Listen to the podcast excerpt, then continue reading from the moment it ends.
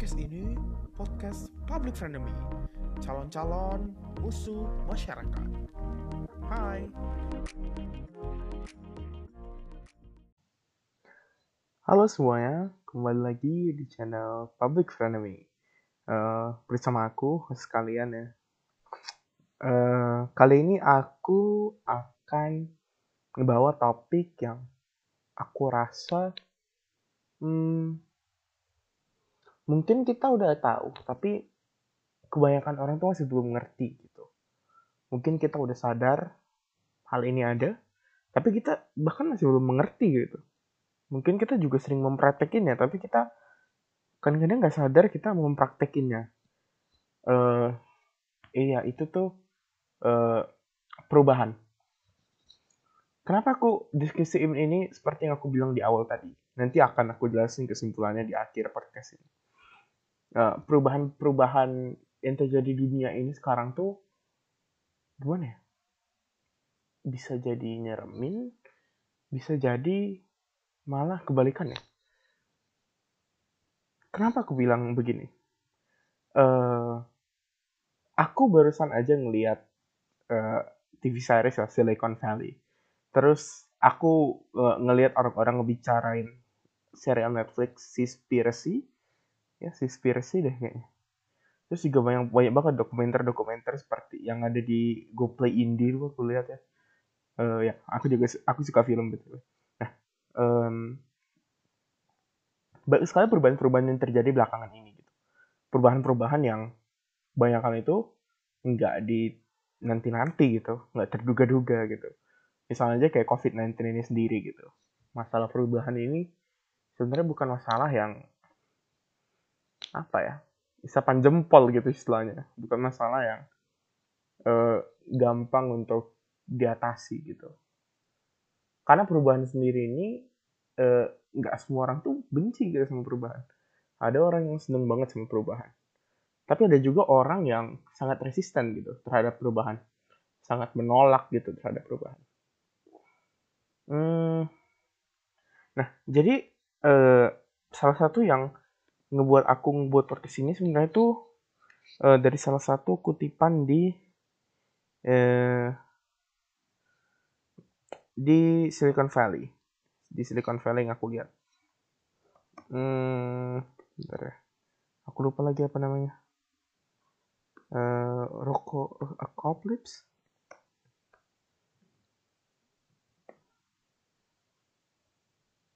Uh, sebentar sebentar ya pokoknya itu uh, aku lupa deh namanya apa. Pokoknya dia dia tuh intinya uh, ada eh, suatu cerita gitu. Bukan suatu cerita sih tapi suatu model berpikir di mana uh, teknologi itu sekarang tuh makin pintar gitu. Teknologi sekarang tuh makin pintar bukan cuma makin pintar tapi mereka juga lebih uh, lebih mirip manusia gitu. Manusia kan nggak selamanya pintar ya tapi semakin mirip manusia dan semakin pintar tuh beda gitu. Nah, mereka ini semakin mirip manusia yang berarti uh, jadi suatu saat mereka ini akan ada uh, komen-komen atau eh akan ada pola pikir tertentu yang mereka kembangin mengenai dominasi gitu atau juga mungkin ada pola pikir tertentu yang mereka kembangin seiring dengan berjalannya waktu itu ya artificial intelligence mungkin mereka juga bisa untuk uh, nggak uh, bisa memproduksi gitu. Uh, masanya sendiri gitu. Bisa memproduksi jenisnya sendiri. Yang akhirnya nggak ada lagi dependensi terhadap manusia. Dan akhirnya ya mereka bisa menguasai dunia gitu. Mungkin ini kedengeran apa ya? Ih kayak anak-anak banget sih gitu percaya begini tapi begini hmm, untuk di status quo aja aku ngeliatnya tuh ya itu bukan sesuatu yang apa ya sesuatu yang bisa kita pandang sebelah mata gitu. Um, itu bukan sesuatu yang sekedar lewat aja tapi ini sesuatu yang berkepanjangan. Um, masih ingat nggak ketika kita lagi ngomong ketika uh, apa ya kita lagi ngomong-ngomong sama teman-teman gitu tiba-tiba hal yang kita omongin tuh muncul gitu aku pernah tuh dan ini tuh kejadiannya di WhatsApp gitu temanku sama aku lagi ngomongin tentang, wih pengen banget deh makan di Ambon ini gitu. gitu. Nah, uh, terus temanku bilang juga, eh pengen banget deh makan mie ini ini ini gitu. Akhirnya ketika kami buka Instagram, yang muncul itu dua gitu, ada iklan mie dan ada iklan di Ambon. Sorry, ada iklan di Ambon. Nah, uh, menurut aku hal yang menjadi yang perlu menjadi perhatian di sini adalah bagaimana mereka bisa semakin mirip dengan manusia gitu Mereka itu tuh uh, seperti memiliki uh, pola pikir tertentu karena memang didesain oleh manusia. Tapi pola pikir ini sendiri tuh mereka tuh bisa berjalan dengan uh, apa ya? Dengan apa? Decision making mereka sendiri gitu loh. Misalnya uh, ada program opti optimisasi nih di optimisasi program misalnya Nah, maka mereka tuh nggak muluk-muluk lagi uh, bakalan ngejalahin kayak perintah gitu yang disuruh. Tapi mereka bakalan milih sendiri mana yang sesuai, mana yang komprehensif, mana yang cocok, uh, mana yang relevan gitu. Jadi mereka tuh ada juga kemampuan untuk menyeleksi gitu. Hmm, perubahan ini sendiri perubahan yang cukup besar sih kalau menurut aku. Ketika beberapa tahun lalu uh, ketika masih SD gitu ya masih main gundu hal yang paling amazing tuh buat kita tuh paling uh, apa ya jam power balance kali. Kayak ya kalau lu pakai ini lu bisa seimbang gitu. Terus dipakai gitu jangan kan pura-pura seimbang gitu. Tertipu sugesti gitu tuh. Atau uh, yang paling amazing tuh dulu tuh CD ya gak sih? CD dulu satu lima ribu sekarang pakai kuota malam download di enggak enggak enggak enggak download di Netflix maksudnya download di Netflix. Nggak lima ribu sih kalau di download di Netflix. Tapi kayak ada ribuan film gitu yang ada di ribuan bahkan puluhan ribuan gue rasa yang ada di Netflix gitu yang bisa kita nikmati. Dan itu tuh eh kalau mau sharing-sharing gitu ya bakalan lebih murah ya. Tapi kalau nggak mau sharing juga rasaku nggak sampai lima puluh ribu sih. Satu akun. 49 something mungkin. Jadi itu tuh ada perubahan yang besar banget dari dulu. Uh, begitu juga uh, ketika eh, orang-orang yang keluar dari penjara ex-ex konflik yang keluar dari penjara itu tuh bingung sama manusia zaman sekarang gitu. Karena ketika mereka misalnya mereka di penjara tahun 90-an ya kan. Terus keluar-keluar orang-orang itu tuh keluar tuh pakai headset gitu. Mereka tuh bingung loh budaya memang udah begini ya? Keluar tuh memang semua pakai headset begini ya? Gitu. Terus ada juga di kota-kota uh, ketika mereka kembali ke kota asal mereka, mereka udah ngelihat pabrik misalnya. Mereka juga udah ngelihat perubahan gitu di sekitar mereka. Hmm, ya menurut aku tuh uh, perubahan kultur dan teknologi kita tuh sangat cepat gitu. Dibandingkan uh, zaman-zaman dulu gitu. Kayak 90-an gitu. Yang relatif lambat gitu. Tapi begitu masuk uh, uh, ya awal 2000-an itu tuh kerasa cepet banget gitu. Ya nggak sih? Hmm. Hmm. Makanya aku tuh selalu wanti-wanti gitu ya. jangan pernah gitu kita uh, terlalu apa ya terlalu jadi kon consumer aja gitu. Kita tuh harus at least kita tuh kalau nggak at least kalau mau jadi uh, apa ya kalau mau jadi consumer itu juga jadi consumer yang benar-benar bijak gitu loh. Jangan cuma karena tren jangan cuma karena apa ya dibilang kawan bagus gitu. Itu tuh harus benar-benar teliti gitu. Karena uh, di beberapa kasus banyak banget misalnya begini deh kayak terms of agreement aja kita malas baca gitu kan. Ya ya nggak sih at least aku sih malas baca kok terms of terms of agreement gitu padahal terms terms of agreement gitu itu adalah salah satu kunci dari uh, salah satu kunci dari uh, hal yang bisa dipakai di ranah hukum gitu. Aku ngeliat banyak banget kasus yang begitu gitu. Kayak ada orang yang uh, mempermasalahin gitu. Ini kenapa kan gak ada persetujuan di awal kok mereka bisa pakai dataku, bisa ngelacak privasi aku, ngelacak lokasi aku gitu. Tapi at the very end of the day ternyata ada gitu di terms of conditionnya, di syarat dan ketentuannya gitu. Uh, ya itu gitu. Karena semakin banyaknya teknologi kita semakin pengen ikut ikutan aja gitu. Supaya nggak ketinggalan zaman gitu. Nah itu sih untuk apa ya sesi satu aku mengenai perubahan di bidang teknologi. Uh, tapi perubahan di bidang itu bukan cuma di bidang teknologi aja tapi juga perubahan di bidang sosial. Hmm, aku ngerasa sih gini ketika kita berbicara tentang perubahan sosial maka kita akan bicara tentang maka kita akan kepikiran gitu biasanya tentang kemajuan ya nggak sih? Kayak apa ya? Bukan kemajuan deng. Apa sih namanya? Hmm, ke ya kemajuan deh gitu kemajuan peradaban manusia gitu. Dari hari ke hari kita semakin menuju efisiensi kapitalisme. Eh, eh, gitu gitu kan. Nah tapi uh, menurut aku malahan sebenarnya kita tuh mengalami perubahan yang nggak lebih baik nggak lebih buruk gitu. Ketika kita bicara tentang perubahan aku tuh ngelihatnya kita tuh uh, ya berubah aja gitu. Paham gak sih jadi kayak nggak ada value gitu ketika kita berubah. Nggak ada value lebih baik nggak ada value lebih buruk. Uh, misalnya di di bidang pakaian ya. Di bidang pakaian.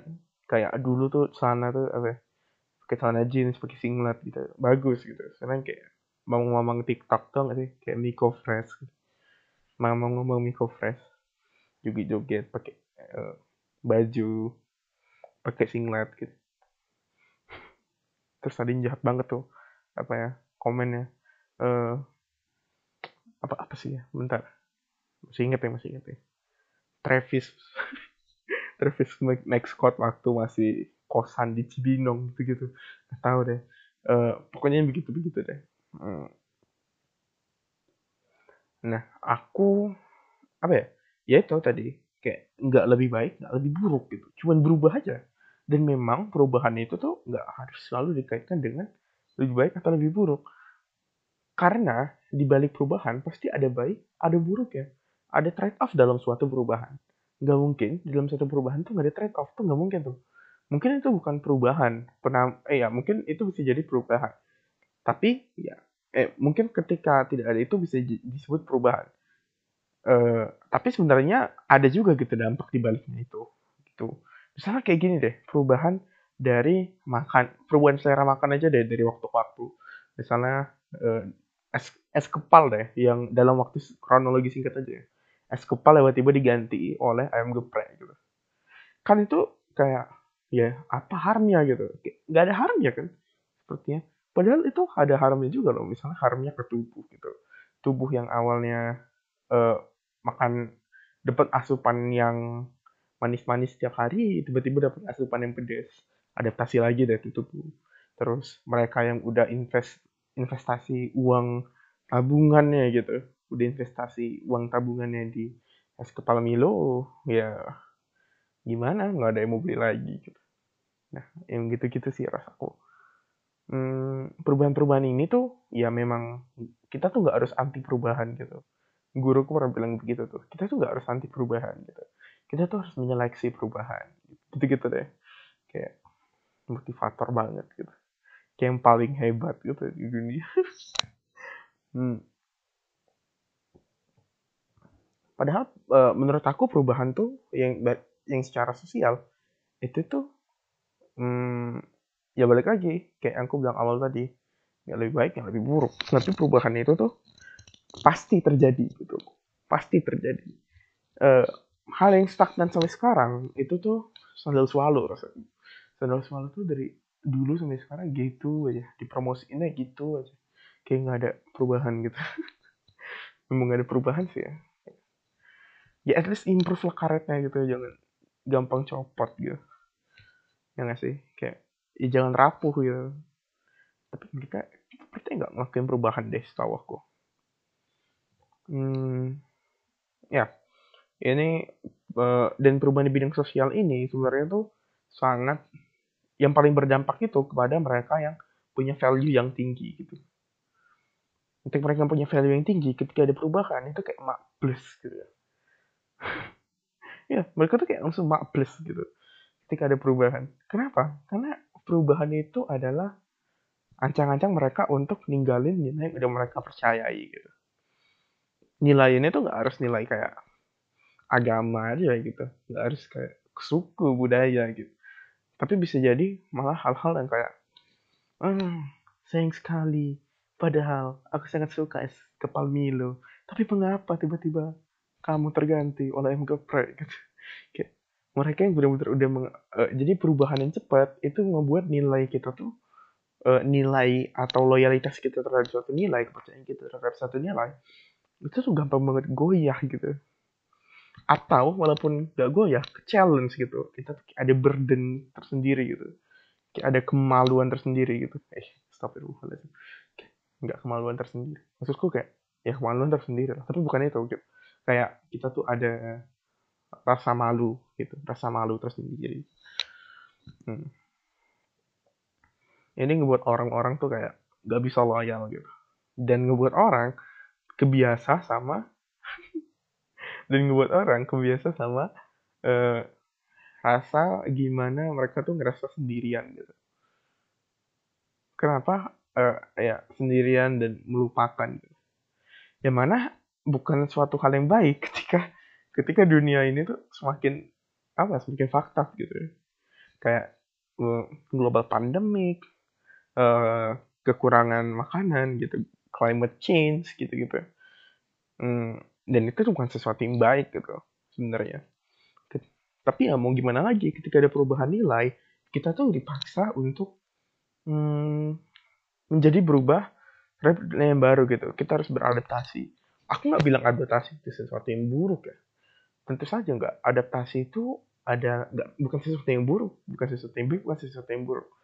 Tapi ya ya udah adaptasi ya adaptasi aja gitu yang jadi permasalahan sekarang nilainya itu yang mau dianut itu yang bagaimana gitu. Tapi lagi-lagi nilai yang dianut itu biasanya tuh ya bukan jelas bukan nilai yang jahat bukan jelas bukan nilai yang buruk. At least untuk pada waktu mereka uh, at least pada waktu mereka melakukannya gitu. Pada waktu itu terjadi gitu. Kayak dulu aku masih inget banget tuh ada tren hmm, bukan prank bukan prank deh kayaknya. Oh makan ini makan tight pot. Tahu nggak tight pot? Tight pot tuh aku juga nggak ngerti apa sih. Pokoknya dia tuh untuk bersih baju gitu. Kayaknya kayak deterjen tapi padat gitu. Jadi mereka tuh makan tight pot gitu. Itu kan pada masa itu tuh bukan dianggap sebagai sesuatu yang buruk gitu, tapi sebagai suatu tren, suatu nilai yang gini, ada nilai yang mengatakan pada saat itu kalau lu ini lu trending gitu. Terus kan lantas mereka bertanya kan, terus kalau aku aku trending kenapa gitu? Ya, kalau aku trending kok bisa dapat banyak duit, kok bisa lebih up to date, lebih apa ya, lebih acceptable in society gitu. gitu.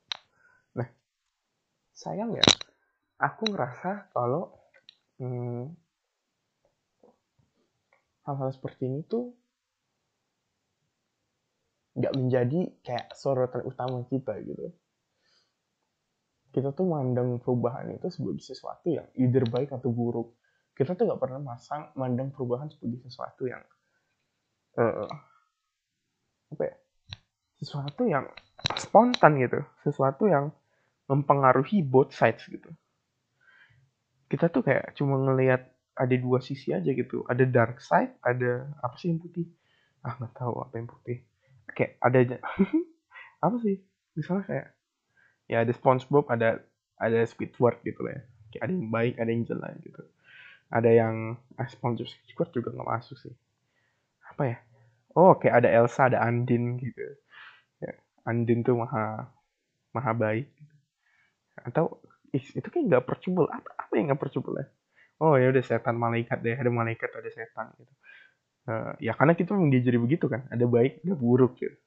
Tapi kita tuh nggak pernah diajarin hmm, apa yang ada di tengah-tengahnya gitu padahal yang ada di tengah-tengahnya itu adalah suatu jembatan yang bisa menghubungkan kita gitu ketika ada perubahan seharusnya orang-orang tuh masih dibiarkan untuk menganut nilai yang nilai yang lama gitu nggak seharusnya terjadi eh, nggak seharusnya terjadi pemaksaan terhadap nilai-nilai yang baru. Nah, ini akan berangkat ke sesi ketiga. Sesi ketiga aku, aku akan membahas tentang perubahan uh, di bidang politik. Ya politik sosial politik lah. Hmm, zaman sekarang orang-orang tuh mandang perubahan sebagai sesuatu yang harus gitu lah. Memang harus gitu. Karena ya pasti nggak ada sistem yang perfect nggak ada sesuatu yang perfect. Harus ada yang diubah gitu. Kan itu inti dari perubahan ya pasti ada sesuatu yang kurang bagus kurang serak kurang masuk. Jadi harus diubah gitu. nah akan tetapi aku melihatnya begini pada status quo eh, mereka yang ingin perubahan itu tuh tidak memikirkan nilai orang lain gitu. Dan aku ngerasa in some cases ini bukan hal yang buruk gitu. Ketika ada pemaksaan begini misalnya ada kasus uh, pemerkosaan ya kan? Lantas orang-orang yang bilang kalau cuman karena bajunya ketat maka dijadikan pemerkosaan itu bukan sesuatu justifikasi yang valid rasaku bukan suatu justifikasi yang uh, apa ya? Legit gitu istilahnya. Hmm, aku mandangnya malah sebagai sesuatu yang agak hmm, apa ya? Sesuatu yang nggak bisa dibuktiin gitu loh berdasarkan data. Ya nggak sih? Buat kan ketika bicara data aja. Tapi karena mindsetnya udah begitu ya bebal begitu sampai akhir hayat. Sampai ada yang bilang gini lebih cepat nunggu dia mati daripada nunggu dia berubah gitu. Dan ya itu salah satu keresahan gitu dari kata-kata Adriano Colby gitu hmm. ya ngerasa itu benar gitu. Uh, banyak orang zaman dulu yang sangat kekeh sama nilainya. Karena perubahan itu juga lebih lambat di zaman mereka. Uh, di zaman mereka mereka tuh bisa lebih loyal sama apa yang mereka percayai gitu. Kayak juga dikit banget kan dulu begitu misalnya zaman Soeharto itu kan dikit banget informasi masuk dikit banget misalnya kayak apa ya ya nilai-nilai yang baru yang masuk itu tuh bakalan lama gitu. Bahkan bakso aja dari generasi generasi masih pada suka gitu kan. Ya sebenarnya kan memang ya sebenarnya kan e, sesuatu halnya itu kan karena ya dulu tuh belum ada KFC belum ada boba gitu. Jadinya orang tuh ya stucknya di bakso aja gitu. Dan itu stuck sampai sekarang gitu sayangnya ketika nilai itu diajari lagi kalau misalnya oke okay, bakso itu enak gitu. Hmm. ya begitu deh. Aku ngerasa kalau misalnya eh, perubahan itu tuh apa ya perubahan itu tuh bukan berarti kita mau orang itu untuk berubah gitu. Tapi perubahan itu tentang bagaimana kita mengubah nilai yang lebih apa ya nilai yang sudah kuat itu kita challenge gitu nah tapi bukan berarti semua orang itu harus berubah ke sisi kita. Dan aku yakin itu nggak akan pernah terjadi gitu. Bahkan ketika ada yang bilang murder is bad ada juga yang bilang justifiable gitu.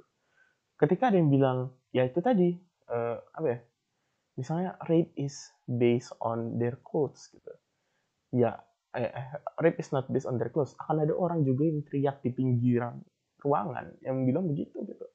Rip rip is because of the clothes gitu rip karena baju um, dan orang-orang begini tuh bakalan lebih bakal susah banget gitu untuk kita ajarin lagi dari kecil gitu karena dari sosialisasi normanya ya udah begitu gitu udah mengakar gitu istilahnya. Hmm.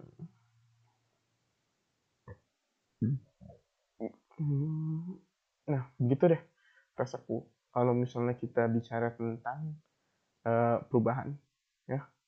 Uh, dan ada juga perubahan-perubahan yang mungkin kita kurang sadari gitu di dalam kehidupan berpolitik kita, yaitu uh, kita tuh jarang nyadari kalau perubahan-perubahan yang terjadi itu udah terjadi gitu. Dan hal-hal seperti ini sebenarnya kalau kita ngebahas dalam konteks politik ya atau dalam konteks sosial maka e, hal ini tuh ngebuat kita kayak bilang what the gitu. Kayak misalnya sekarang itu ada normalisasi e, ada legalisasi ganja gitu di Kanada.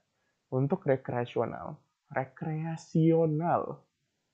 Cuy itu tuh kayak ke taman safari tau gak sih? Kita tuh kayak ke taman safari gitu. Itu kan rekreasional ya gitu. Nah ini enggak. Ganja rekreasionalnya kayak kita mungkin untuk mencerna nilai itu tuh bukan apa ya ketika kita ingin mencerna nilai itu itu tuh hal yang sulit gitu. Ketika apa sih legal ini? Gitu. Tapi sebenarnya kalau kita mandang perspektif orang lain kita mandang perspektif nilai mereka maka kita akan tahu kalau nilai mereka yang mereka pegang itu adalah nilai kebebasan gitu. Dan nilai ini itu nggak bisa diinterfere satu sama lain. Kita tuh nggak boleh kayak nyebut satu nilai itu lebih inferior daripada lebih superior daripada yang lain lebih inferior daripada yang lain karena nilai itu ya sejatinya nilai gitu. Kayak nilai itu nggak ada yang lebih baik gitu. Ketika ada orang yang berkuar-kuar oh humanisme ada yang terbaik ya. Lu pernah mikirin nggak gimana dampak ke depannya gitu? Kata seorang utilitarian. Terus kata seorang deontologis oh lu tuh nggak harus merhatiin outcome-nya men. Lu tuh harusnya merhatiin tentang hmm, lu tuh harusnya mikirin tentang misalnya uh, lu tuh harus mikirin tentang perasaan orangnya gitu. Harus mikirin tentang nilai-nilai yang dipegangnya gitu. Terus terus juga datang lagi nih misalnya kayak opportunis gitu kan. Kayak dia langsung bilang oh iya ini enggak ini apa apa nilainya berubah gitu. Di dalam di luar gitu dalam hati alhamdulillah ya Allah naik sahamku kalau kayak gini gitu gitu. Gitu oportunis gitu. Nah ada juga orang yang optimis ada juga orang yang pesimis orang yang megang nilainya itu ada yang yakin sama nilainya ada yang nggak yakin gitu sama uh, nilainya yang dia pegang gitu dan itu tuh adalah sesuatu yang biasa aja gitu itu adalah sesuatu yang lumrah lagi-lagi aku pengen bilang setiap orang itu punya ini apa ya unique personality gitu personality masing-masing yang dibangun oleh experience-nya. Experience nggak mungkin sama di tiap orang. Aku punya, aku dulu, aku aku dulu itu uh, punya habit yang jelek banget. Kayak dulu aku tuh waktu pas SD, aku tuh uh, sering nunggu orang, nunggu, sering buat orang nunggu ketika jemput aku naik becak gitu hmm, nah itu aku sering buat orang nunggu gitu sampai aku nggak sadar kalau misalnya ya orang itu orang itu juga punya nilai yang beda-beda gitu. Ada yang tolerir terhadap keterlambatan ada juga yang kesel gitu. Dan kalau mereka marahin aku aku tuh kesel gitu. Ya ini kan nilaiku gitu. Dinilaiku ya aku nggak apa-apa gitu untuk nggak nerima perubahan ini gitu. Aku nggak nerima nilai kau nggak apa-apa gitu. Hmm, tapi aku tuh selalu memaksain orang itu untuk menerima nilai aku. Padahal ada yang namanya agree. Aku tuh belum tahu, ya, padahal ada yang namanya agree to disagree gitu. Kayak ya udah sih, kalau misalnya lu nggak punya, kalau misalnya nilai kita nggak sama ya udah gitu, nggak usah dipermasalahin gitu. Uh, dan hal-hal yang menyangkut seperti misalnya apa ya perubahan di bidang misalnya seperti feminisme gitu atau maskulinisme atau misalnya hmm, apa sih? E egalitarian gitu nah, itu kan juga termasuk perubahan gitu ya.